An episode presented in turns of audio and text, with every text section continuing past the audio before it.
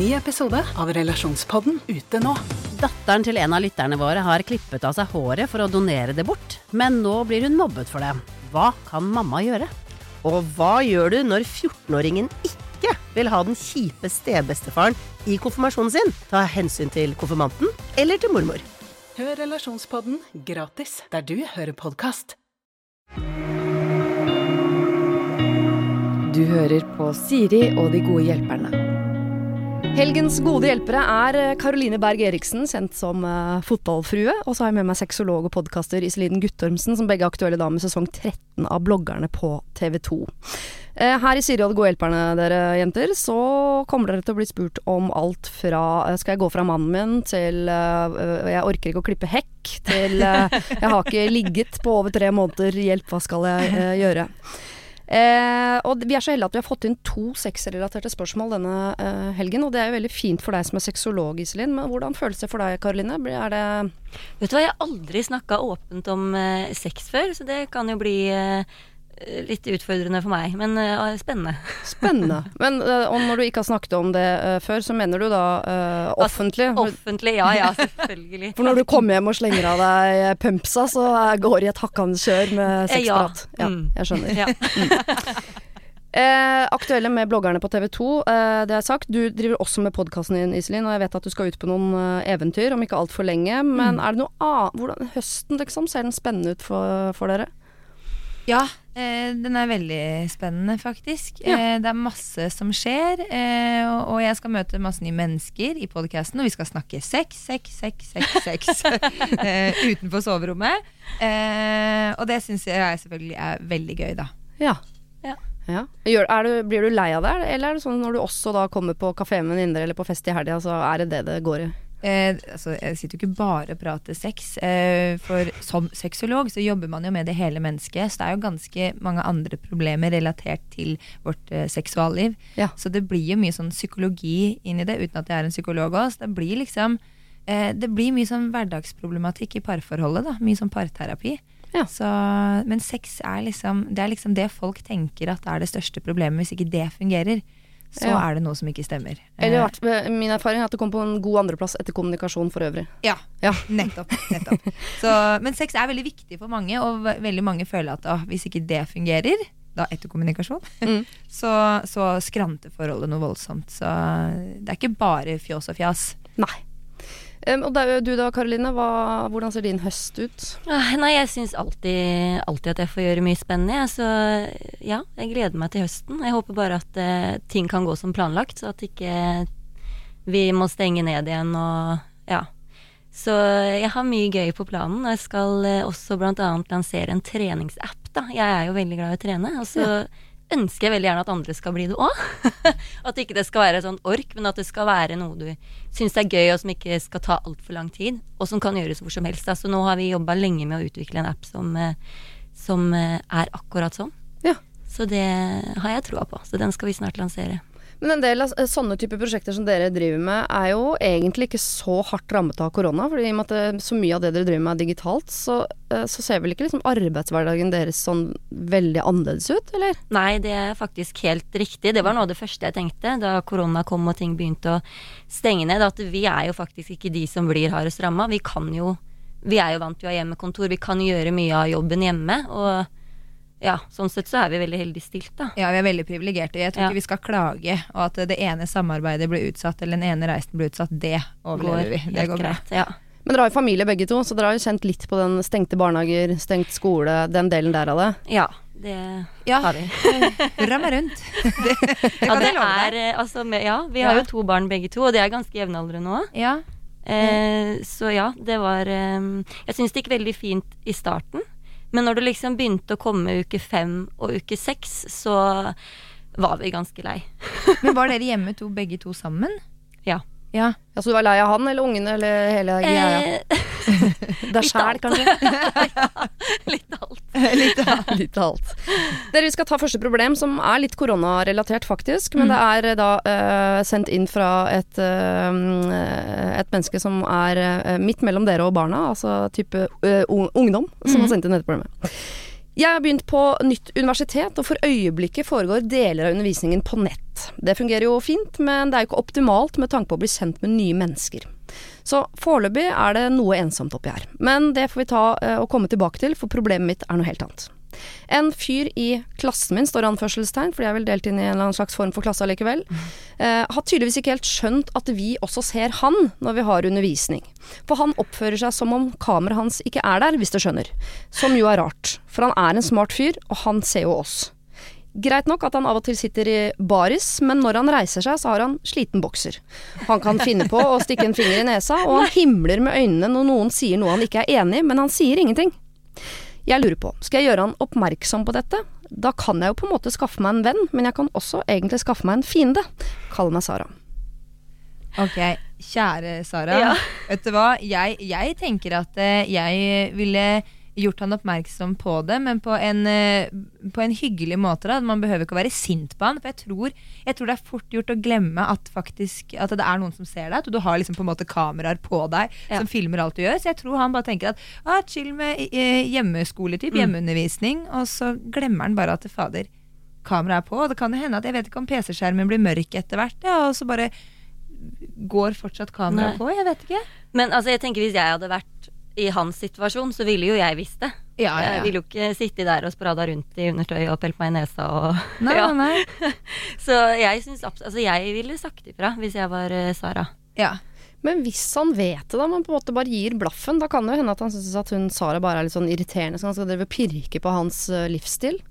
Jeg ville, jeg, ville, jeg ville tøysa litt med det, kanskje, jeg, da. Ja. Og sagt litt sånn altså, mens han holder på sånn, ja, Finner du noe, liksom? Ja. Finner du noe? Eller er Ja, er du skal du ta pungen når du først er i gang, liksom? Bare, bare kjør på. Eller bare begynte å gjøre det samme tilbake. Og se om han hadde reagert da. For å speile hans For å speile oppførsel. han, ja. Bare sitte der og klø seg litt på grufsa og, og klø litt i nesa og se om han hadde reagert, liksom. Ja, da glemmer du de 42 andre som heller ikke kjenner, som sitter og ser på. Så tenker sånn Å nei, vi har fått to av de i klassen. Nei, jeg ville sendt en Jeg tror jeg ville sendt en diskré melding, jeg, og bare Altså, kanskje er du klar over det, men bare så du vet det, så, så ser vi deg, liksom. Ja. Se, se, Ja. vi, vi ser deg. Ja. Og det er ikke, jeg bryr meg ikke, jeg, altså, men jeg tenkte Ja. jeg bare skulle si ifra i tilfelle du ikke vet det. Ja. Og hvis han da svarer 'det veit jeg', da hadde jeg sagt 'ikke gjør det for det'. Ok, men da må vi nesten begynne å snakke antrekk her. Ja, ja, ja. Kleskode. ja. ja, for hva syns dere er verst? Den slitne bokseren eller nesepillinga? Eller Nei, jeg him himling med øya? Himlinga var verst. Absolutt. For at det, det er jo ikke noe hyggelig. Nei. At alle ser hvordan han reagerer på, Ja. på deres eh, Jeg vet ikke. Ja, For de andre tingene er veldig menneskelige. Alle Mm. har en skitten truse eller en Ja sliten bokser. Eh, og alle peller seg i nesa. Det, det gjør vi. Det er Ja. ikke det verste, Det er men altså, det er jo litt spesielt å sitte med veldig Altså med 42 stykk og reise seg opp og gå rundt i bokseren. Det er litt rart, da. Ja, kanskje litt å vise seg fram. Ja, det, men da hadde jeg tatt med noe annet. Ja, jeg veit. Det vet vi at du hadde gjort. Det er vi veldig klar over. Men jeg jeg syns det er veldig fint at dere først og fremst eh, reagerer på det med himling med øynene, for jeg tenker det er den eh, minst sånn private eh, delen av det også, så det er kanskje den man kan eh, pirke på hvis man først skal gjøre Ja. det foran klassen. Ja. Og stille spørsmålstegn som er sånn Jeg ser du himmelen med øynene, er du uenig? Mm, Ja. ja Så slipper man, kan, man kan jo komme unna med å aldri nevne nesepilling eller møkte bukser. Man kan bare reagere på himling med øynene hvis man er usikker på sånn Vet han om det kameraet, eller gjør han ikke egentlig? Ja, ja, det var lurt. Det var Ja. lurt. Veldig Mm. fint. Ja. Jeg skal lande på det jeg sa. Det Ja. høres jo uh, ut som jeg har avtalt på forhånd. Det er helt nerd. Ja, men det var jo veldig jeg Men vi lander på at vi skal si ifra, i hvert Ja. fall. Ja. Sara, du skal si fra eh, til han, tilfelle han ikke er klar over det. Men da skal du være klar over at det kan det hende at han er, og da må du bare godta det. Men jeg syns fortsatt du kan reagere på det som vi alle reagerer på her. At han himler med øynene over det andre sier. Det er jo uansett om han er klar over det eller ikke, ikke helt greit å drive med. Så syns jeg kan peke på også foran de 42 andre i klassen din som du ikke kjenner allerede. Ja. Vi skal til eh, et spørsmål som jeg kan eh, kjenne meg igjen i, for å være helt ærlig. Og det kan godt hende kanskje spesielt at du også gjør, Karoline. Vi er to unge voksne. Vi har en sønn på to år. Vi har normalt sett ganske lik fordeling i forhold til hva som skal gjøres, og hvor mye. Altså huslige sysler og med sønnen vår, osv. Men når det er nyheter og eller sport på TV, pluss da enkelte fotballkamper, eh, da helst Spurs, som jeg vil tro er Tottenham-relaterte fotballkamper, så er hans tid hellig. Er det noe som må gjøres i dette tidsrommet, så er det automatisk jeg som må ta med han det. Om ungen ramler og hyler, så tror jeg faktisk ikke han letter litt på ræva en gang. Jeg håper han gjør det når jeg ikke er hjemme. Men for min del så finnes det ingenting på TV som er hellig. Det er ikke en bok eller en podkast heller som er hellig for han. Alle mine ting kan settes på pause, og det kan jo det, men man blir jo litt trassig da. Jeg vil at mine hangups på TV-serier uh, skal ha lik status som hans evige påfyll av sportslige resultater. Er det mulig å få til, spør Eva. Oi. Ja, er det sånn hjemme hos dere, altså, Karoline? At eh. hvis mannen ser på fotball, så må alle andre i huset bare Nei, sånn Nei. er det faktisk ikke. Nei. Det er jeg veldig glad for. Altså, hvis ikke Lars Kristian og jeg hadde hatt den eh, Vi har jo aldri avtalt noe som helst. Det bare har liksom Vi er veldig flinke til å fordele oppgaver, og veldig flinke til å samarbeide med alt fra husvask til ungene. Mm. Og jeg tror bare at hvis ikke vi hadde hatt det på den måten, så hadde ikke vi vært sammen i så mange år. Nå har vi vært sammen i 13 år, og det Ting er fint, liksom. Og det tror jeg fordi vi har en gjensidig forståelse om at begge to må ta i et tak. Ja. Eh, og jeg kan selvfølgelig gi han rom hvis han sier ifra at nå vil jeg se på TV, og nå skal jeg se denne kampen, så gjør jo han det. Ja. Eh, men det er ikke sånn at eh, Naya, hvis, han hadde, hvis hun hadde ramla foran han, så hadde han fortsatt reist seg opp, liksom. Det er ikke noe sånn at han er helt off da. Um, Og jeg tenker, jeg tenker litt sånn at eh, i disse tider hvor alt kan trykkes på pause altså, Ikke minst, bare, ja. altså, den, altså, akkurat det straffesparket, eller den spurten på, fra høyrekanten der, eller det innlegget, eller bare trykk på pause, Ja. og så redder du ungen din fra den sikre død, eller hva som er i ferd med å skje, Ja. og så går du tilbake igjen i sofaen din. Det er liksom ikke krise. Men hvis det er avtalt litt sånn på forhånd at eh, i, i dag har jeg lyst til å sette meg ned med en kompis, eller hva det nå måtte være, eh, eller om det er hun som har lyst til å sette seg ned med en god film, en venninne eller serie, eller en lydbok ute, et glass vin, en røyk, eh, hva som helst, at man da, når man har avtalt litt sånn egentid, ja. da kan man jo si at ok, greit, vet du hva, gå ut og kos deg, og så tar jeg ting, men altså Skjer det noe hjemme, så må man jo, må man jo bidra. Ja. Og at det er en kamp på TV. Jeg tenker trykk på pause. Jeg, Jeg tror dette her også er litt sånn, i og med at du nevner eh, sport og nyheter, så kan dette fort vekk være to ganger om dagen, tenker jeg. Og det Ja. kan vel, jeg, jeg må jo si at jeg kjenner meg inn i det at eh, å se på sport for mannen er mer hellig enn hvis jeg skulle finne på å sette på en eller annen eh, TV-serie som jeg liker å følge med på. Men hvorfor er det mer hellig? Nei, jeg vet ikke. det skjønner ikke Jeg jeg. tenker, altså man ser, på, man ser på svette karer som løper rundt og tjener masse penger på å sparke etter en lærball. Jeg elsker fotball, har spilt fotball i mange år selv. Eh, så jeg skjønner, jeg syns det er dødskult å se på. En god fotballkamp er god stemning. Ja. Eh, men det er liksom ikke noe mer Er det noe mer hellig enn Kardashian? Jeg bare spør, liksom. Jeg tror eh, 99% av menn vil svare ja på det ja, det spørsmålet. vil de helt klart. Men fra mitt ståsted så er det Altså, så er de tingene jeg interesserer meg for å se på TV, like viktig. Fordi det handler om egen tid. Ja, og dette her er jo helt subjektivt, ikke sant? hva man selv syns er interessant og viktig å se på. Og det må man ha forståelse for. At for Ja. deg så er dette her viktig, og for deg så er dette viktig. Eh, men man må jo klare å snakke sammen og, og komme til en enighet, da. Men hva er Evas beste fremgangsmåte da? Å ta bort hans hellige egentid, eller kreve sin? Jeg tenker at eh, hans egen egentid kan jo stå, men jeg syns ikke den skal være så hellig at han ikke kan hva var det du sa, løfte på ræva når ungen faller, liksom. Så hellig er det ikke. No. Altså Man må kunne gjøre unntak. Det, Ja, eventuelt at han kan gå ut og se den på en pub med en kompis, da, sånn at hun faktisk eh, har ansvar alene, på en måte. Ja. Slipper det å bli et irritasjonsmoment. Eh, ja, men han kan jo ikke akkurat gå ut hver kveld, selvfølgelig, da, men Nei, og så tror jeg vi jenter vi er nok, hver gang det er nyheter på TV. Det kan bli vanskelig. Vi damer vi er så flinke. Vi irriterer oss, men så bare gjør vi oppgaven eller det som skjer, fordi vi bare gjør det uansett. For hvis ikke Ja. så blir det jo ikke gjort. Mm. Og da gjør vi det jo jævlig behagelig for mannen, da. Ja. Så jeg tenker at det står litt på kravet å si ifra. mm. Jeg har mine TV Nei, jeg har mine timer foran oppvaskmaskinen hvor jeg setter inn oppvaskmaskinen litt sånn harde bevegelser Ja. og mye himling med øya. Det får ikke han med seg i det hele tatt, for han sitter jo og ser på sport. Det vet ikke han. Nei. At jeg er irritert. Nei, nei, Nei, nei, nei, han får det ikke med. Du Knuser unødvendig mange tallerkener uten at det er verdt det. Han har jo spurt meg hvorfor er det så mye knuste tallerkener. Det skulle du bare visst! Ok, så uh, gi han den egentiden. Kanskje oppfordre til at han kan i større grad gjøre den enda mer egen ved å av og til gå ut og se den fotballkampen. At han er nødt til å lette på ræva hvis ungen faller, uh, men at hun også kan kreve sin egentid ja, hun bør det, syns jeg. Ja, det må hun. Hun må, det er ja. kjempeviktig, for da ser han også selv eh, hvordan det er å ha en person da som ikke er tilstedeværende når Ja. han trenger hjelp. Ja. Og si at mine timer med Grace Anatomy eller hva det måtte være, er Ja. verdt like mye som dine timer med Spurs. Ja, for det er de. Da skrudde alle mannlige lyttere av Radio Norge. Det beklager jeg. Det beklager jeg. Kanskje vent før dere skrur av. Vi skal snakke om sex. Ja. Kjære Siri og de gode hjelperne. Jeg er gift på fjerde året med verdens flotteste mann. Etter å ha prøvd å bli gravid et par eh, år, fikk vi endelig et barn for seks måneder siden. Graviditeten var litt mer utfordrende enn hva jeg først hadde sett for meg at den ville være, men babys kom til verden til slutt. Etter fødselen var jeg i superform, og vi storkoste oss som nybakte foreldre. Selv etter den obligatoriske ventetiden på seks uker etter fødsel var vi klare for å ha sex igjen. Men ikke lenge etter har øh, lysten min dabbet av. Dette gjelder ikke for mannen min, altså, så det skal ikke stå på hinting eller forsøk på å få seg et napp. Lysten min har bare blitt mindre og mindre de siste tre–fire månedene, og det ser ikke ut til å bli noe bedre. Nå begynner det å gå utover humøret mitt ellers også, og på hjemmebane, og jeg tror frykten for at vi kommer til å ende opp som venner framfor kjærester, tynger mer og mer. Har jeg blitt aseksuell, eller? Jeg har forsøkt å gjøre tiltak som å onanere, se på porno, ikke tenke for mye på det, tenke mer på det, forsøke å komme over kneika ved å ha sex, eh, enda det ikke har vært eh, entusiasme fra min side, og jeg har googlet problemstillingen. Men ingenting ser ut til å funke. Virkelig ikke. Bare tanken på at mannen min skal ta meg på puppene gjør meg uvel. Føler jeg har mistet sin seksualitet etter at de offisielt ble selve matfatet til minsten. Wow, jeg trenger råd. Ja, det står mer her. Unnskyld.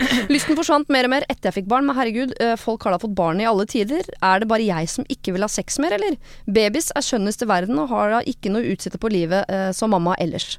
Stakkars min mann, som er så flott og snill, han skjønner jo ingenting. Og jeg har ikke noe svar på hvorfor ting er sånn er heller. Har dere tips eller triks? Hilsen frustrert og mulig brått aseksuelle Anne. Anne? Var det mm. Anne hun het? Ja. Eh, jeg må jo bare si at hun er ikke ikke den eneste, kjære Anne. Hun er ikke den eneste som har det slik. Dette er 100% normalt. Mm -hmm. eh, og det er eh, Hun skal i hvert fall ikke føle seg alene, men derfor er det veldig rart at man ikke finner noe svar på det da, når man googler det og sånn, for det er så mange som opplever akkurat mm. dette her. Eh, og hun er ikke, det er ikke nødvendigvis dermed sagt at hun er i ferd med å bli aseksuell. Dette her er en del av der er en del av livet og forskjellige faser, rett og slett. Jeg vet ikke om aseksuell er en legning, eh, men er det noe man kan bli, eller er det Eh, ja, altså man sier det at eh, når man eh, ikke har hatt sexlyst på over et år, så da ser man det, på det som en sånn større problematikk. da. Når ja. det har gått et helt år, altså mer enn et år, minimum et år og lenger enn et år, da begynner man å se at da er det kanskje noen ting man må gjøre for å ta noen tiltak, da. Ja. Eh, for å fikse på dette problemet. Hvis det er et problem for relasjonen, noe det virker som at det er for eh, Anne her, da. Ja, Hun eh. sier jo at det har ikke stått uh, på uh, hinting eller forsøk uh, på å få seg et napp fra mannen. Nei, nei, nei. Og det der er jo klassisk. Altså, er det ingen av dere som kjenner dere igjen i det der? At, jo, jeg lyst, følte og... liksom Og jeg tenkte litt på det, sånn tilbake til fra da jeg hadde født og Ja, og den seksukerskneika. Og jeg syns jo det var liksom helt supert å starte på igjen, men jeg kan liksom føler at jeg kan huske at jeg også hadde en sånn liten periode hvor jeg bare ikke hadde så veldig lyst. Mm. Og det, jeg tror det er fordi man er sliten. Altså og så er det et annet fokus i hverdagen da, enn det har vært før. Det er liksom mye tenk, tanker og snakk om baby og hele tiden fokus på babyen. Og så tror jeg liksom at man er bare sliten når man skal legge seg, eller man er liksom generelt litt sliten, og da tror jeg ikke det er ikke det man kanskje har lyst til å bruke energien på, da. Nei, og jeg, jeg, jeg, altså jeg har ikke bare kjent på det en gang innimellom, jeg kjenner på det hele tiden. Sexlista mi er jo herregud, noen ganger er den fraværende i flere måneder, til og med så mange år etter fødsel som nå. Og, men spesielt rett etter fødsel eh, så handler det om at man snakker forskjellig kjærlighetsspråk. ikke sant? Mm. Eh, og veldig ofte så er det den parten som er veldig glad i sex og fysisk kontakt, det er jo, det er jo den partnerens kjærlighetsspråk.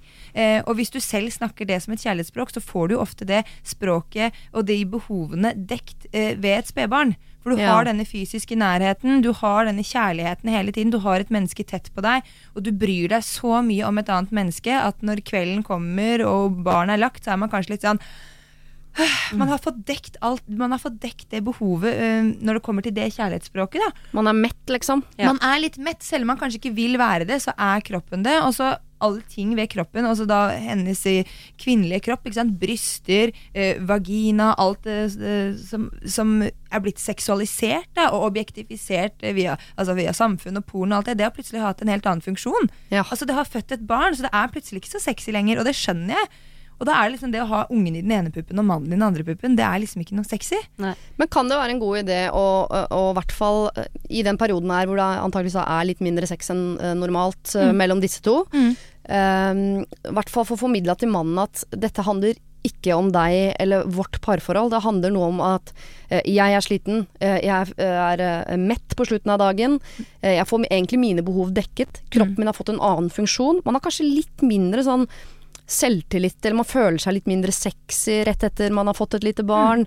Og at, at det er derfor lysten forsvinner, at ikke det handler om han. For han sitter jo borti sofaen og lurer på sånn Å, hun tenner ikke på meg Ja. lenger. Hva er det for noe gærent med meg? Og? Ja, og det er veldig trist, ikke sant? For Ja. han, vil jo bare, han vil jo bare elske med partneren Ja. sin, ikke sant? Ja. Eh, og da tenker jeg at hvis man har for mye fokus på at herregud, nå må jeg komme meg på hesten igjen, nå må, så det, det, det, det, altså Hormonene i kroppen vår og hvordan vi fungerer, gjør bare at da får man mindre lyst på det. Ja. Eh, så mitt råd, da, er jo at eh, man skal legge bort dette, dette presset rundt sex eh, litt sånn på hylla. For jeg hører jo at hun har veldig lyst til å ha lyst. Ja. Og det er det første man må finne ut av. Har du lyst til å ha lyst, eller har du det fint der du er i dag? Men hun har lyst til å ha lyst. Og da må man legge det presset litt vekk på hylla, så kan man fokusere på sensualitet fremfor seksualitet. Man, men så blir man jo stressa, for det er enda et behov som skal dekkes. Det er enda en i huset som vil ha noe. Ja, Pluss at man går og tenker sånn Åh, jeg burde uh, ha Det er akkurat som å legge seg og tenke sånn Nå burde jeg sove, for jeg skal stå opp snart. Mm. Man blir jo ikke trøtt av det. Det er nesten helt umulig. ja. Ja. Og det siste man vil, er jo bare ha sex med partneren sin for å please partneren sin. Den pliktsexen, den er ikke noe bra. Fordi at hender det blir bra midtveis ute der, det òg. Altså. ja, ut, Ja.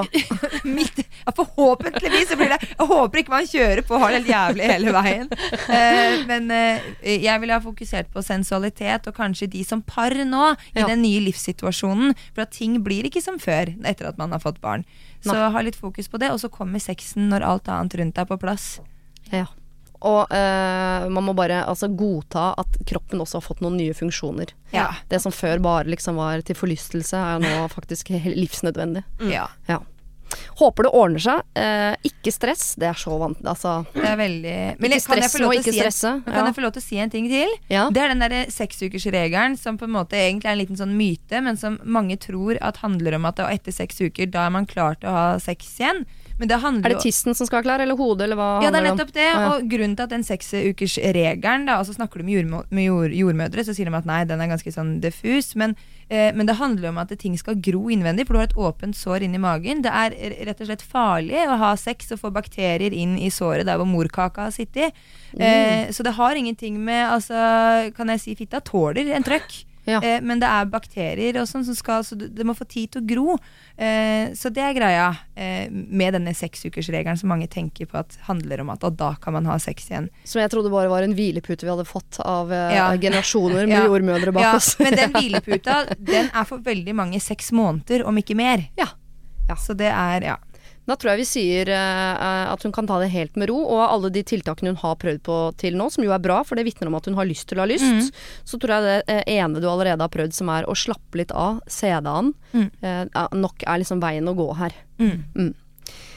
Eh, vi skal over i noe litt sånn eh, komplekst her, eh, som handler om forelskelse, som jo egentlig bare skal være hyggelig, men det er ikke alltid det er det. Hei, Siri og de gode hjelperne. Jeg har vært sammen med kjæresten min i omtrent to år, men gjorde det slutt for noen uker siden. Kall han Magnus. Siste året har jeg innsett at dette kanskje ikke kommer til å vare, for jeg har savnet så mye, og jeg har tatt opp med Magnus også ved flere anledninger. Jeg har savnet gode samtaler, genuin nysgjerrighet for meg, mine følelser og tanker.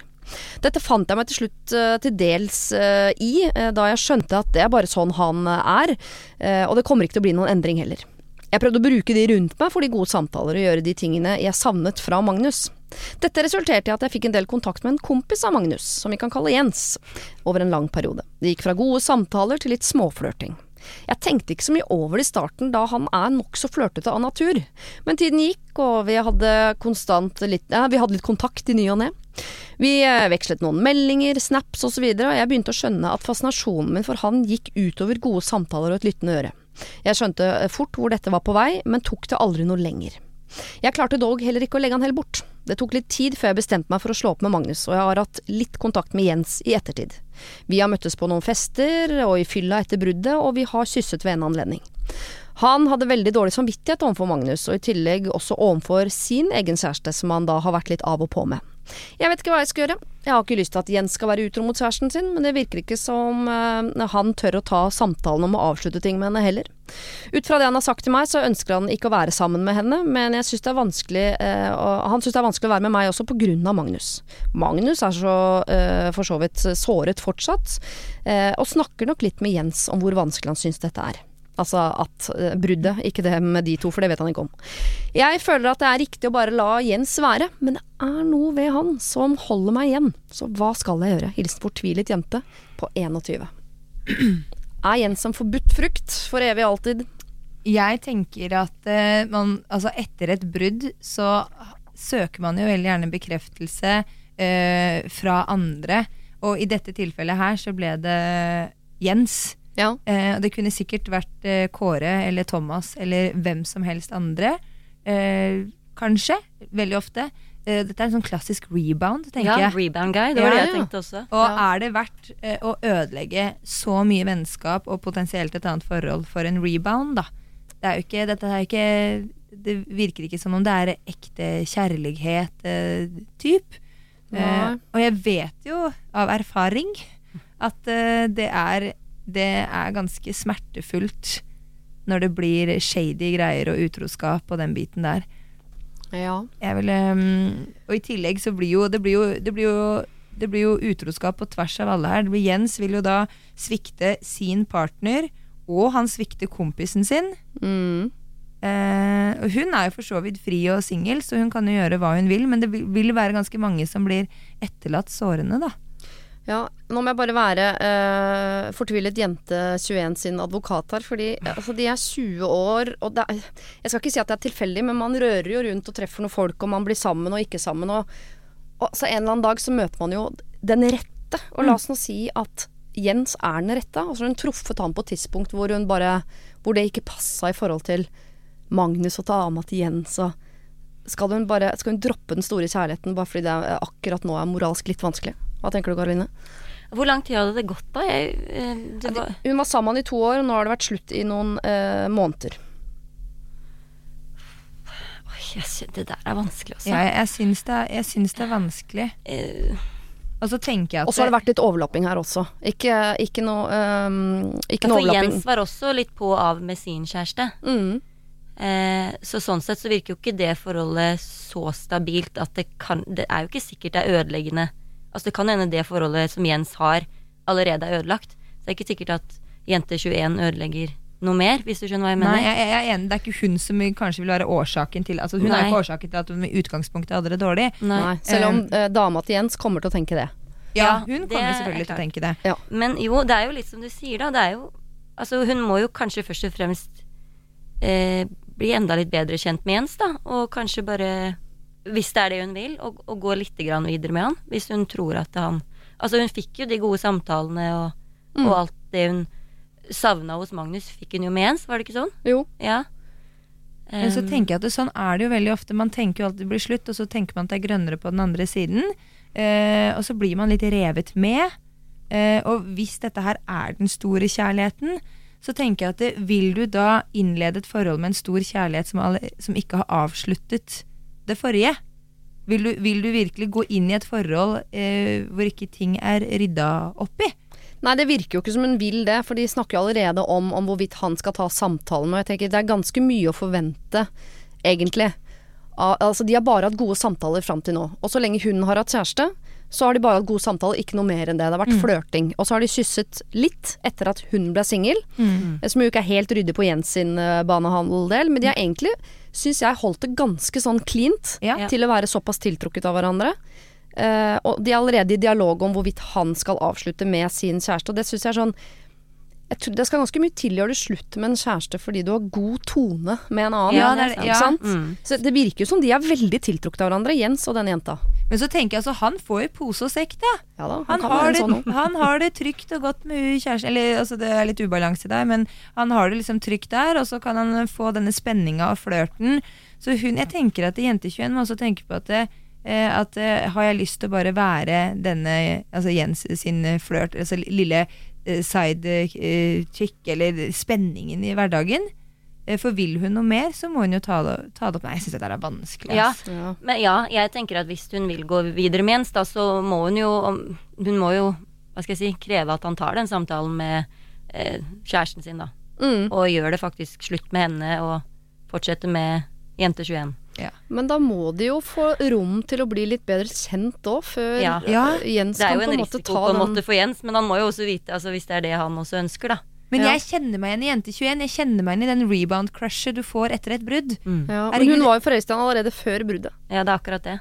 Jeg, vet, jeg vet ikke, dere har begge brukt begrepet rebound Ja. eh, guy her. Eh, Det glapp fort ut. Ja. Jeg vet ikke om uh, Ja, men jeg kjenner jeg- til det selv, jeg. ja. Men, Jeg kjenner også til begrepet, men er det sånn at man en, i en rebound guy Er det helt tilfeldig, er det ofte, eller er det sånn at man da søker noe som er annerledes enn det man hadde?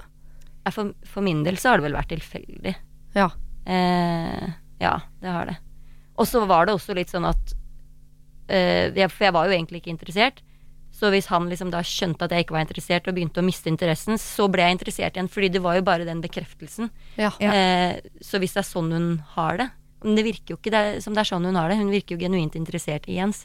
Ja, for det virker som Eh, Jens sier henne det hun leter etter. Ja, Ja, men det vil enhver kar som er litt annerledes, kanskje, eller noe annet enn det du har vært sammen med, og som du har gjort til slutt med, Ja. vil være interessant. Alle nye mennesker du møter, er interessante. Så er det noen du får en ekstra god kjemi med, eh, som du tenker at oi, her var det noe mer. Så jeg bare tenker at jeg bare håper ikke at hun går i den fella at hun tror at her er det en stor forelskelse. Jeg, blir forelsket, jeg har blitt forelska i alle reboundene mine, og hatt kjærlighetssorg på alle reboundene mine.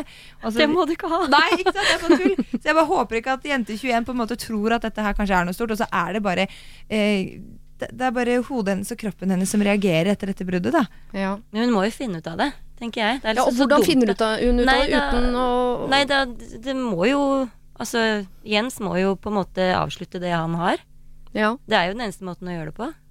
Hvis de to skal fokusere på, på bare de to, da. ja.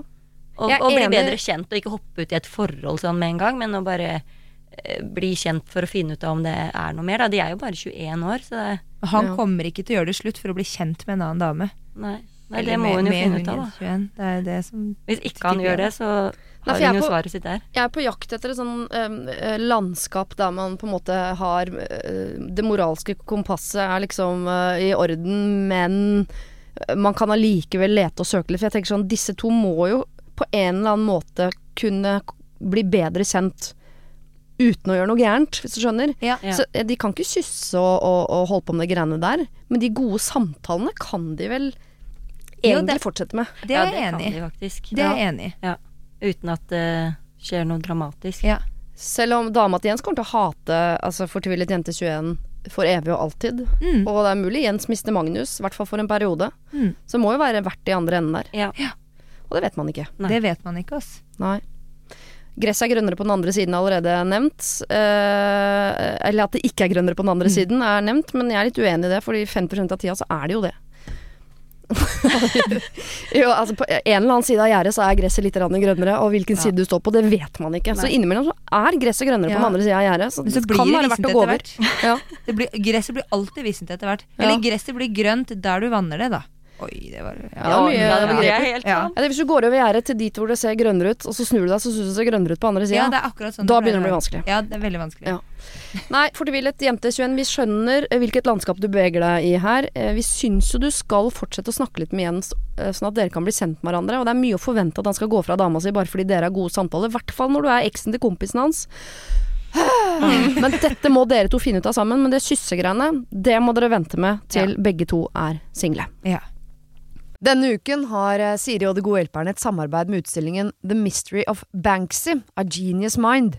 Den utstillingen kan du se på Økernsenteret i Oslo helt fram til 16. juni. Til eh, tross for at Banksy er verdens mest kjente gatekunstner, så er han samtidig også helt anonym. Det er ingen som vet hvem han er, og en av grunnene til det er at han er etterlyst for vandalisme.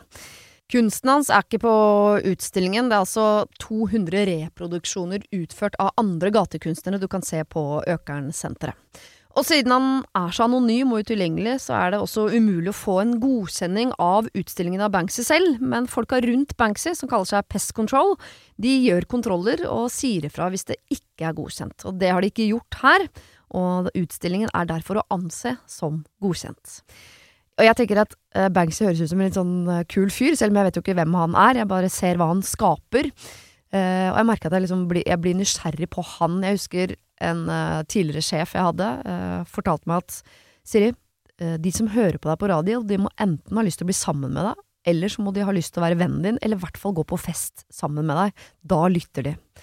Eh, jeg vet ikke om jeg har så veldig lyst til å bli kjæreste med Banksy, vanskelig å si, men eh, det hadde definitivt vært veldig gøy å gå på fest med han eller ha han som venn, bare for å høre litt mer om eh, hva som bor inni det kunstneriske hodet hans.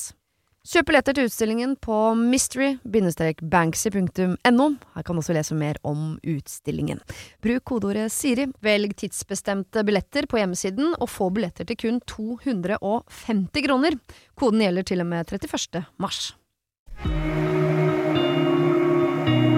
Har du problemer selv, send dem inn til siri at radionorge.no. Jeg tok bussen her om dagen og havnet ved siden av en veldig kjekk gutt. Jeg er ikke så sjenert av meg, så jeg fant han på airdrop og sendte noen bilder av meg. Ikke noe kinky. Han sendte bilder tilbake, og nå har vi funnet hverandre på Snap og har litt kontakt der. Det er gøy. Men uheldigvis sendte jeg også et bilde til en annen på bussen. En eldre og ikke fullt så kjekk mann. Jeg håpet jo at han skulle skjønne av seg selv at det var en glipp, men nei da. Nå sender han bilder og meldinger hver morgen på bussen. Han tror at vi har en hemmelig flørt gående. Og han ser litt sliten ut. Jeg har tenkt at han kanskje er gift og har små barn, og at dette er det eneste han gleder seg til for tiden, så jeg unner han det.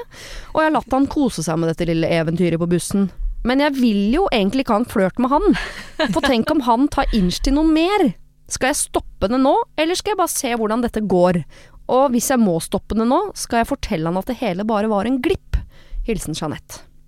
Altså Jeanette, Jeg må bare si at Jeanette er supersøt. Som bare unner han ja, den lille magien i hverdagen. Det er veldig, det synes jeg, det er, jeg blir litt varm om hjertet. Jeg, den skal han få. Ja. Han skal få. Uh, men uh, Det er ikke det mest ydmyke jeg har lest, det må jeg bare si. Jeanette. Jeg, jeg unner deg ja. magien meg. Ja. det er sant. Men det er greit. Nei, men eh, oi, jeg ville sagt ifra. Fytti. Det ville jeg ja, gjort. Ja, ja, Altså herlig, herlighet. Det går, altså, det går jo ikke. Han, altså, brått så vil han jo noe mer, og det, det, det vil jo ikke. Ja, og så tenker jeg, tenk hvis det er en kone, da, og barn og hele pakka på andre sida der, ja. som finner ut av dette her, og så blir det full baluba, og så er det egentlig noe så uskyldig noe, og noe så altså, som, det, som det det er, da. Så men, men jeg lurer jo på den flørten som han tror de har gående på bussen hver morgen. Hva går den i, liksom? Jeg lurer litt på det. Sender hun bilder hver morgen, hun også, eller er det han som gjør det? Skulle gjerne likt å vite akkurat det, da. Ja, ja jeg har også stusset litt på det. For ja. jeg, hun har jo sendt dette ene første bildet. Ja. Eh, men om hun har liksom holdt det gående etter det Ja, da må hun slutte. Det vil jeg bare si. Da ville jeg sagt da, da, da, ber du, da ber du om å få en uh, dickpic snart, liksom. Da, ja, og det kommer snart. Du, det kommer, det kommer snart! det vil du ikke ha. Klasker deg i kinnet på buss 73 en eller annen gang. Ja, Så dere mener at hun må stoppe det nå. Men la, hvis hun ikke har svart, det skulle vi gjerne visst, Jeanette. Hvis hun ikke har sendt mer bilder eller har svart på meldingene og sånn, så har hun jo egentlig stoppet det. Eller ja, det har hun en forpliktelse til å være så tydelig i kommunikasjonen med en mann hun ikke kjenner? Nei. Jeg tenker Hvis han fortsetter og fortsetter Hvis han ja, hver hvis... morgen sender bilder, mm. så må du bare si hei, hyggelige kinn, men uh, fine øyne. Men det, dette her, det var, en, det var en glipp, rett og slett. Ja. Håper du har en fin dag. Tenk hvis det er det eneste hyggelige han har opplevd på mange men... år, da.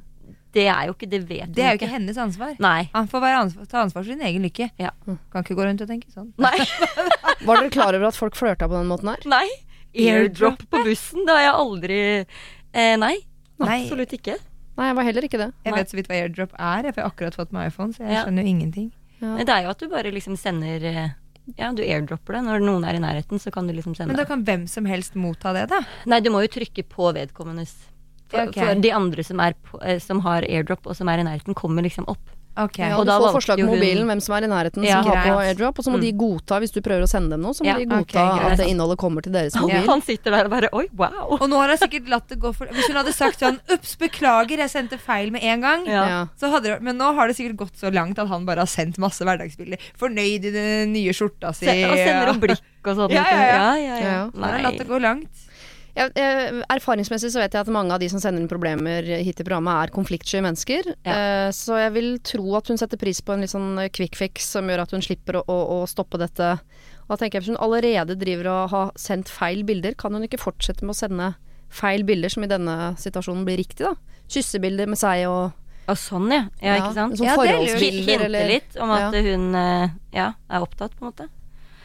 Nei, altså, jeg, hvis, hvis han bare har sendt bilder nå, og hun ikke har svart, så er det en måte på en måte Til slutt så fatter han jo ikke interesse lenger. Ikke? For han får ikke noe respons. Mm. Eh, hvis hun syns det er ubehagelig at disse bildene hele tiden dukker opp, så ville jeg sagt ifra. Mm. At, Ja. eh, at, eh, og det er sikkert ubehagelig, det også, men at dette er Eller ta en som du sier, da, Siri. Send et bilde av seg og kjæresten, eller eh, et barn, eller ja, Ja, ikke, et ikke barn, det var dårlig, det skal ikke sende bilde av barna. Eh, men at, altså, altså, at hun er opptatt da, Ja, på en eller annen ja. måte. Eller noe utslett, tenker jeg òg kan funke. Herpesbilde. Ja. Ta Google utslett, og så sender du noen bilder derfra. Ja.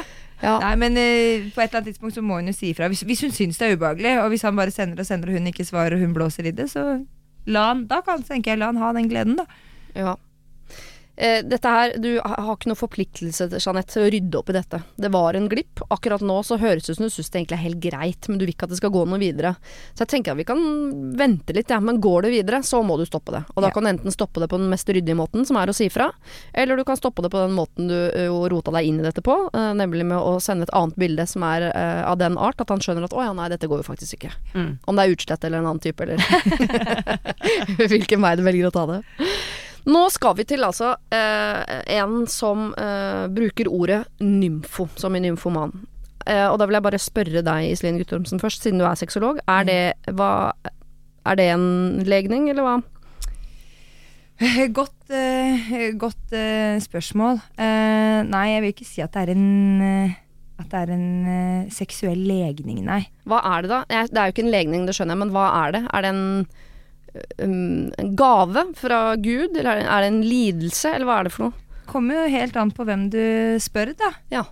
Det er eh, Noen setter pris på det, og andre setter pris på at de kan kalle kanskje partneren sin for nymfoman, eh, mens andre kanskje kjenner at dette her er slitsomt. Ja, for det er noen begreper innenfor seksualitet som jeg blir litt sånn uh, usikker på om Mm. er et kompliment eller ikke. Og nymfo er en av dem. Er det nymfo, eller? Så blir det sånn Jeg vet ikke, er det, er det bra, eller er det dårlig? Ja, hva og du bollemus er det andre. Jeg vet heller ikke. Er det hyggelig sagt? Ja, sagt? det har jeg lurt på. ja. Bollemus? ja, er det Er det kompliment, bra, eller er eller er jeg helt ute nå? Det er kjempekompliment. Ja. Ja, folk elsker bollemus. Ja. Ja, ja, ja, er du gæren? Grave nesa ned en bollemus. Herregud, det er helt fantastisk. Ok, Så uh, nymfoman kan være positivt. Bollemus er positivt. Ja, ja. Ok, da går vi til uh, anonym nymfo39 her. Ja. Hei, jeg bare lurer. Dere prater om sex og forhold. I forholdet eh, hvor sexen ikke funker, lytter jeg ivrig og forventer bra svar. Men jeg må nok spørre mer spesifikt. Min mann og jeg har absolutt ingen sex. Han klarer ikke å ha sex. Vi prøvde litt for åtte år siden, vi har vært sammen i ni.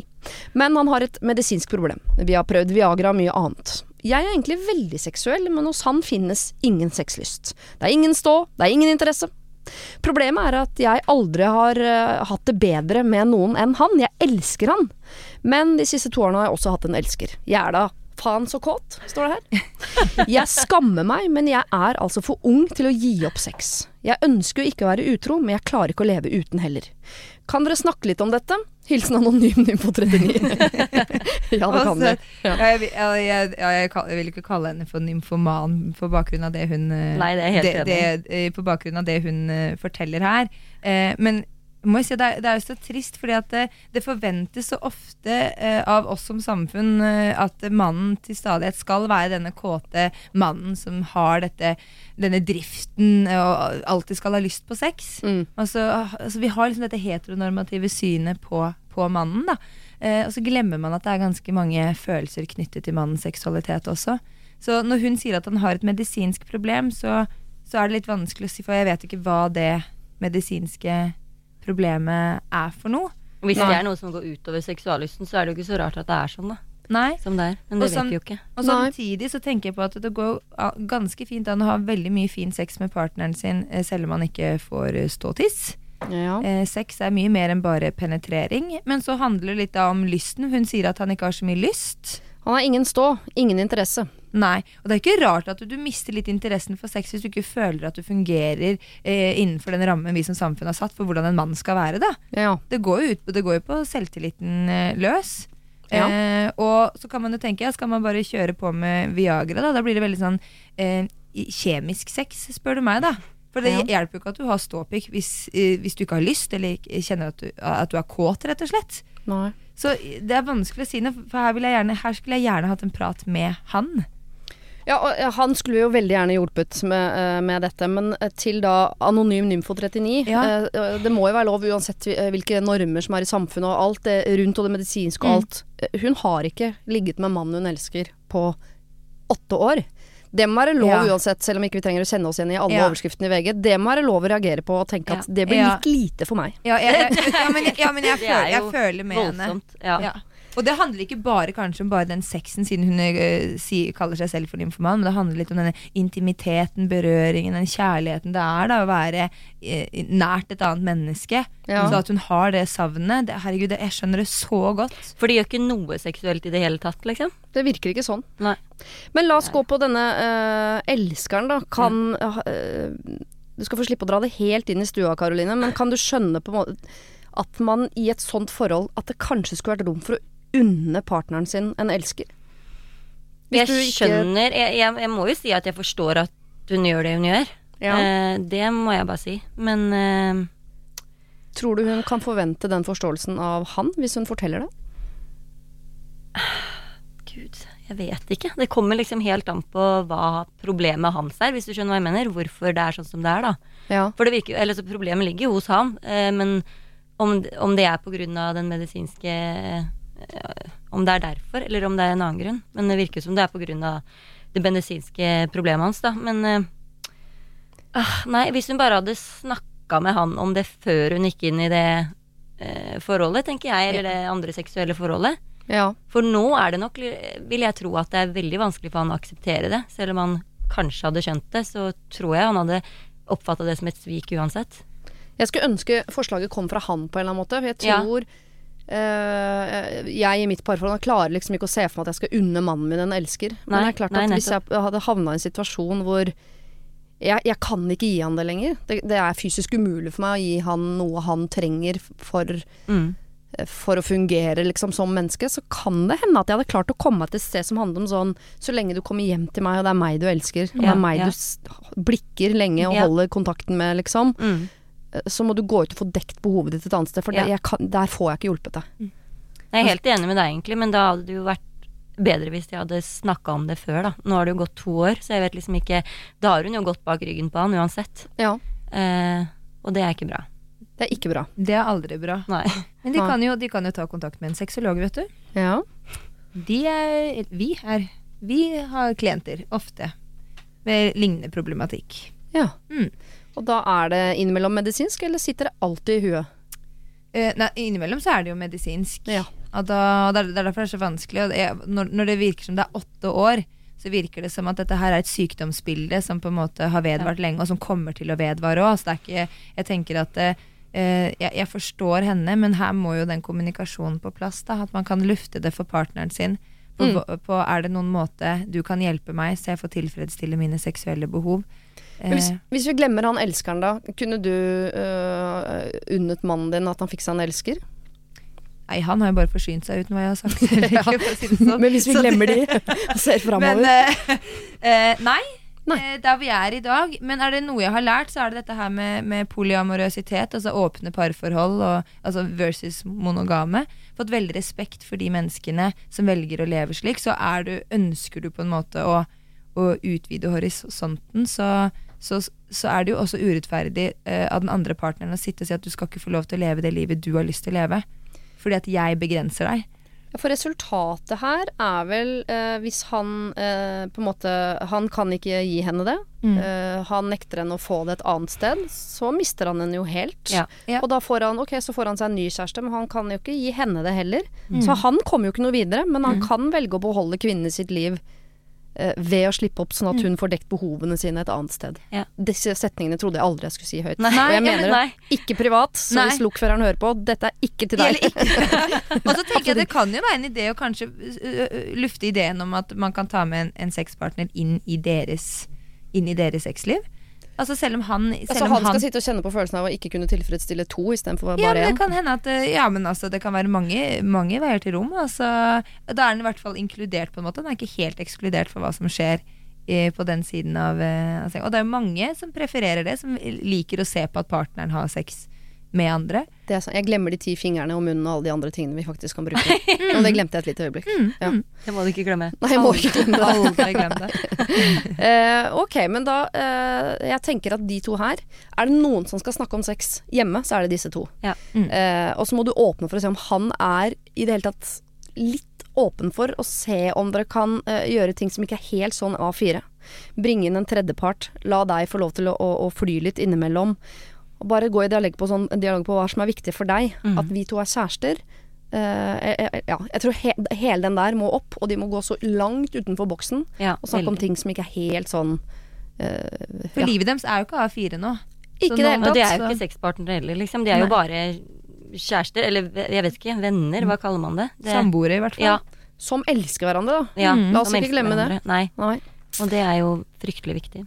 Vi skal til et problem som er Det er ikke 100 mil unna. eh, men her er det fra og disse par, Det paret her føler jeg at jeg har møtt noen varianter av opp igjennom. Hvor det er da altså en som er glad i å krangle, og en som ikke er glad i å krangle. Glad i å krangle er det ingen som er, men som liker å snakke om ting litt sånn høylytt, da. Hei, Silje og gode hjelperne. Jeg har et problem som egentlig bare uh, blir mange små problemer. Jeg vet ikke helt hvor jeg skal starte, så jeg kan begynne med det åpenbare. Mannen min og jeg krangler mye. Vi har én eller to store krangler hver måned. Det er ganske slitsomt, og det tapper oss begge for krefter. Det starter som oftest med at vi blir enige om noe, og så blir det en krangel, og han pleier som regel å buse ut midt i krangelen, og etter det er det silent treatment resten av dagen. Det lengste vi har gått er tre dager uten å snakke sammen. Han sier at det er alltid jeg som starter krangelen, og eh, at jeg er stolt, og at det er jeg som er problemet. Han er mer konfliktsky enn det jeg er. Jeg liker ikke å krangle, men jeg tar heller en krangel enn å plage meg selv med det usagte. Det er som regel de samme tingene vi krangler om, og det er eh, at jeg føler at han ikke møter meg på midten. Han eh, vil ikke lytte til mine råd, han er ikke villig til å bli med på ting jeg foreslår, eh, eller prioritere det jeg syns er viktig. Her er noen eksempler bare for å nevne noe. Vi bor i hans hjemby. Jeg vil ikke bo i min, men jeg vil egentlig at vi skal finne et nytt sted sammen, for da blir det liksom likestilt. Han syns det er tull, for da må vi begynne på nytt med å finne venner og alt det der. Jeg har ennå ikke skaffet meg noen venner her, og kanskje jeg er litt trassig, da. Jeg kunne fint ha greid å skaffe meg noen venner her, jeg, bortsett fra at det er korona og alt det greiene der. Men jeg vil bare uh, at han skal kunne gå ut av sin komfortsone en gang. For meg. Jeg gjør det hele tiden for han.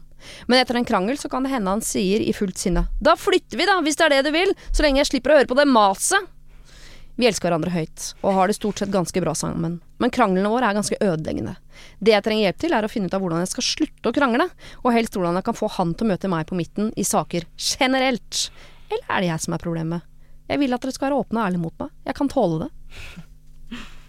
Kjell og Viborg vil de Nei, Valborg vil de bli kalt. Okay. Er det Valborg som er eh, problemet? Vær åpen og ærlig med Valborg nå. Nei, altså Valborg jeg, jeg, jeg kunne, Det kunne vært jeg som hadde skrevet det der. Ja. Eh, fordi at jeg er ikke glad i å krangle, men glad i å, å snakke. og, og si ifra når ting er urettferdig. Ja. Og jeg kan se på meg når, når man diskuterer så heftig, og den ene er den som er budbringeren, og den andre er mottakeren, så blir det sånn ujevn balanse i kranglene hver eneste gang. Mm. Den ene står Og eh, det lærte jeg når jeg gikk i parterapi. At uh, samboeren din han får, han får ikke med seg en tredjedel av hva som blir sagt. Nei. Fordi at det er man pøser på. Men så får man jo ikke noe respons heller når man krangler og diskuterer. Så bare kjør på. 'Hører du hva jeg sier?' ikke sant? Og så bare, og så han, men det, er umulig for et menneske å, å motta så mye så eh, mye informasjon. Hender det Eh. at du kjen- eh, føles ut som du krangler med deg selv, og at du er den slemme i parforholdet? Ja, Ja. ja ikke sant? Jeg ja, ja. Ja. Og jeg kjenner, så jeg kjenner meg veldig igjen i Valgo. Det eneste hun trenger her, det er jo bare en bekreftelse på at han, eh, at han elsker henne så høyt at han er villig til å gjøre ting for at hun skal bli glad. Og Ja. det innebærer nødvendigvis ikke at de må flytte kanskje et eller annet sted, men hvis han bare hadde sagt eh, hvis han bare, hadde, bare det å få høre de ordene at eh, ja, men hvis, hvis du, jeg gjør alt for at du skal ha det bedre.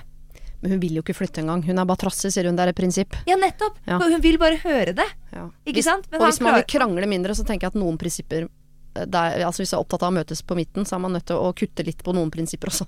Ja, ja, ja. Det er klart. Åssen er det hos dere, Karoline? Er dere eh, jevne på øh, hvem som liksom tar opp ting? Ja, jeg føler det. Jeg føler vi er ganske jevne der. Ja. Så dere har ikke høylytte krangler to ganger i måneden? Ikke to ganger i måneden. Vi krangler sjelden. Det er mer eh, Ja, vi diskuterer jo selvfølgelig, Ja. men jeg føler ikke at vi krangler veldig ofte. Men bruker dere silent treatment? Jeg er veldig glad i det selv. Eh, Nei, det Nei. gjør vi ikke. Eh, det hender at jeg er den som farer opp og går ut av rommet, da. Eh, og så er det alltid Lars Kristian som kommer til meg. Og vi finner ut av ting. Sånn er det veldig ofte. Ja, han er veldig flink til å, til å liksom søke meg for å på en måte skvære opp, da. Ja. Det er han. Men da høres det ut som dere er ganske like. Jeg pleier noen ganger, for jeg har noen venninner som jeg ser på som er veldig sånn opp og ned, eh, og som kan fare opp. Eh, og som eh, sier om ting fort, og som er ganske sånn der ujevne i lynnet, eh, hvis man skal bruke bisseterminologi. og som er sammen med veldig rolige, stødige menn, og det er det de har falt for hos mannen også. Han er helt rolig gjennom det hele. Og da, Jeg har hatt noen samtaler opp igjennom med disse venninnene hvor de tenker at eh, hver gang de far, så skal de gå fra han, og de skal gå fra han, skal gå fra han, men når, eh, når de møtes på midten, så er alle i zen. Ja. Og tenker at hvis man er en sånn som vil ha ting fram, som vil diskutere, og som heller vil at man skal snakke om det enn at ting skal være usagt osv., det er jo en egenskap man tar med seg gjennom alle forhold. Så det er jo ikke noe vits Jeg bare tenker det er ikke noe vits at Valborg blir sammen med en annen fyr. Går fra Kjell, blir sammen med Jens. Med en annen stødig type. Og Nei. så står hun der og, og stagger aleine og holder på og bjeffer.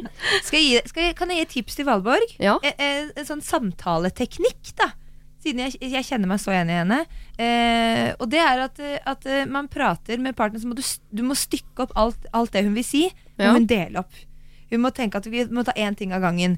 Og så tar hun opp problemstillingen, eller det hun irriterer seg over, eller det hun har såret over. For, for sinne og aggresjon, det er jo ofte et skall for, for dypere følelser, som at man er lei seg, eller altså ja, det, det ligger noe sårt noe bak det. Mm. Eh, og når hun da tar opp dette her med partneren sin, så skal han da gjenta det hun sier, slik han har forstått det. Oh, ja. Ikke sant? Ja. Så, så, og- og så sier hun at det, sånn og sånn og sånn føler jeg det, for følelser er jo aldri feil. Ikke sant? Men med en gang du begynner med at sånn skal det være, sånn og sånn, så blir det jo blir det dårlig stemning. Men hva hun føler, må hun jo gjerne si. Og så må han gjenta ok, så det du føler nå, det er sånn og sånn og sånn. Og da har hun mulighet til å si nei, det er ikke det jeg føler. Jeg sier hør nå, en gang til. Ja. Så må hun si det en gang til. Og så må han repetere det helt Ja, nå forstår vi hverandre. ja. Og så går du videre i samtalen på neste, og så skal han hele tiden da eh, gjenfortelle det hun sier slik han har forstått det. Ja. For det er der, der veldig mange konflikter oppstår. At jeg forteller og forteller og forteller, virker ikke som det går inn. Han skjønner ikke meg, han, han, skjønner, han ser ikke mine behov, han ser ikke hva jeg føler. Jeg føler meg ikke sett, jeg føler meg ikke elsket. Altså er det sånn, ja, Forstår dere egentlig hverandre i det hele tatt? Så det har vært et sånn verktøy som har vært veldig nyttig for meg, da, som er sånn som Valborg, som farer opp. Det er, vi er mange Valborger der ute. Vi kunne startet en Valborg-klubb som ville blitt nokså stor, det er jeg ganske sikker på. Valborg, det høres jo rart ut når man allerede er lei av å krangle om ting, at man skal snakke mer om ting. Men hør forskjellen på ordet krangle og snakke. Altså, jeg, jeg tror på en måte at dere skal sette dere ned når dere ikke er sinte på hverandre, og snakke dere gjennom de følelsene du kjenner på, nettopp for at dere skal slippe å krangle om det. For selv han må skjønne hva du føler, og du må også klare å formulere det du føler på en måte som ikke genererer en eller annen krangel mellom deg og Kjell. Vi skal ta et øh, øh, spørsmål til her, som er ganske langt. Så har dere fått penn og papir av meg. Veldig Ja. rart å spørre om helt på slutten. Hvis det skulle dukke opp noe sånt, det må jeg notere. Ja. Kjære Siri og de gode hjelperne. Egentlig er dette et langt problem. Jeg skal prøve å fatte meg i korthet. Eh, for snart fem år siden ble jeg uplanlagt gravid med en jeg bare datet, og vi bestemte oss for å beholde barnet og satse på forholdet. Vi fikk en fantastisk gutt, men forholdet røyk etter et år. Kort fortalt, vi var veldig ulike, har totalt forskjellige verdier, og følelsene forsvant. Vi skilte som venner, og han valgte å flytte et par timer unna der vi bor. Så til problemet. Kort tid etter at han flyttet ut, fikk han seg ny samboer, og han valgte å kutte samvær med sønnen vår. Og så så han ikke sin sønn på over halvannet år. Så ble han singel og forklarte at han savnet barnet vårt sårt og mye, og han hadde hatt det forferdelig uten han i så lang tid. Det hører med til historien at jeg aldri har nektet han å se vår sønn, og det at han kuttet han ut var av egen fri vilje. Antageligvis i forelskelsens rus. Når han ble singel eh, og tok kontakt, sa jeg til han at han er hjertelig velkommen til å komme på besøk, men at jeg forventer stabilitet og kontinuitet fra hans side, og selvfølgelig at eh, hvis noe slikt skulle skje igjen, eh, så er det ikke greit. Dette lovet han på tro og ære. Og det holdt, fram til han fikk seg ny dame. Så var det null kontakt igjen. Og så fort det ble slutt, så var han tilbake med kontakt med oss. Og de siste åtte månedene kan vi altså telle fem forskjellige damer, og dermed fem ganger hvor kontakten har vært totalt fraværende, for deretter å komme på igjen. Nå er han singel igjen, og etter over to måneder uten å ha besøkt oss, så tar han nå mye kontakt på annet Snapchat, og vil gjerne komme på besøk. Mitt spørsmål er, skal jeg si noe? Burde jeg holde igjen på samværet i forhold til at det neppe kan være sunt for en fire år gammel gutt å oppleve at pappa flyr ut inn av livet hans på denne måten? Jeg har forklart det til han før, og jeg er virkelig eh, fra innerst i hjerterot opptatt av at sønnen vår skal ha et godt forhold til sin far, men jeg er så redd for å tråkke feil, og at sønnen vår skal føle seg uønsket av han. Bare fordi han er ut og inn av livet hans hele tiden. Det gagner ikke sønnen vår at vi foreldre er uvenner, og jeg vil derfor ikke lage dårlig stemning uten grunn heller. Hjelp! Jeg setter stor pris på svar. Kall meg Lotta, Lotta sønnen vår for Rasmus og pappaen for Fridtjof. Eh, altså, jeg syns jo ikke hun lager dårlig stemning hvis hun sier ifra. Jeg syns jo det her er helt forferdelig Mm. å oppføre seg på den måten der. Ja. Eh, jeg hadde satt ned foten for lenge siden. Men hva er å sette ned foten da, og nekte han det samværet? Nei, ikke nekte han samværet, men å si at dersom du ønsker Altså, han har jo også lovt henne på tro og ære at, skulle, at det skulle være et stabilt forhold, og det har jo han brutt for lenge siden. Ja. Det var jo liksom noe av det første de ble enige om. Han har brutt det fem ganger bare de siste fem, åtte Ja. Og da tenker jeg altså Da har jo han brutt det løftet, og da må jo hun få lov til å si at eh, ja, kanskje han får én sjanse til, da, men at det rett og slett ikke går. Altså, det funker jo ikke. Gutten er jo fire år gammel, han blir jo kjempeforvirra. Blir Ja. jo ikke kjent med faren sin heller, får jeg inntrykk av. Nei. Um, ja, jeg, jeg, jeg har alltid sagt at eh, det er bedre å ikke ha far enn å ha 10% far. Og Ja, det tror jeg nok absolutt. sikkert mange er uenig med meg i, men den usikkerheten på sånn Er han glad i meg nå, er han ikke glad i meg nå? Hvorfor fikk jeg julegave i år, jeg får ikke i år. eh, Jeg fikk ikke i fjor, og alle Nei. de tingene der. Det skaper en usikkerhet Mm. som er farligere enn eh, bare eh, at farsfiguren ikke er der. ja, tenk så usikker han eh, Nå husker jeg ikke, Rasmus, Rasmus, mm. blir inni seg, og hva liksom det gjør med han Kanskje når han blir eldre, da. Man vet jo aldri ja, hva slags følelser det skaper inni han. Det er jo ikke bra i det hele tatt. Eh, barn er jo veldig eh, Altså, man skal jo ha en stabil oppvekst, da, så godt det går. Ja.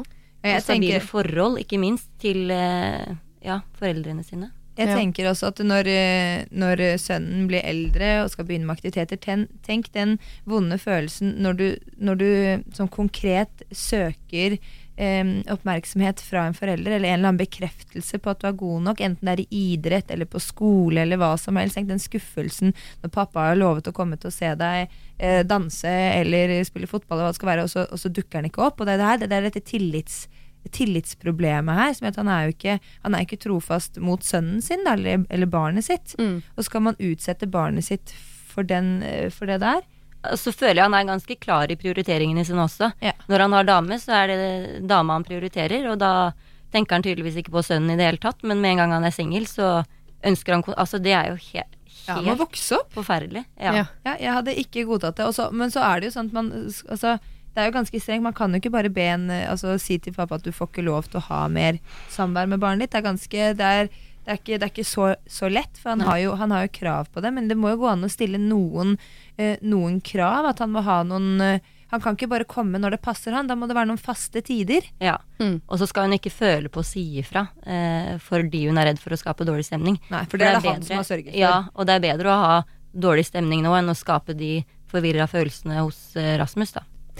Jeg er opptatt av én ting her, og det er eh, Eller mange ting, for så vidt. da Jeg tenker at eh, For det første så må Lotta bare være veldig tydelig på at hun elsker sønnen sin eh, til døde. Altså, Ja. den må være veldig, veldig tydelig. Mm.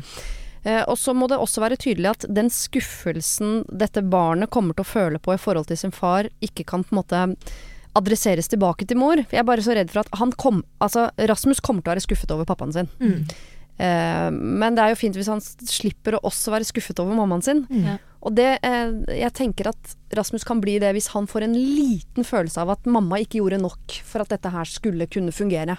Så hvis hun nå nekter samvær eller ikke legger til Og jeg skjønner at det er urettferdig, men at ikke hun i største mulig grad legger til rette for at de skal kunne ha et eller annet forhold, så tror jeg han også kan ende opp med å bli litt skuffet av mor. Og det er jeg enig i. Ja. jeg Og jeg tenker også Jeg tenker hvordan hadde far Var det Fridtjof far? Ja.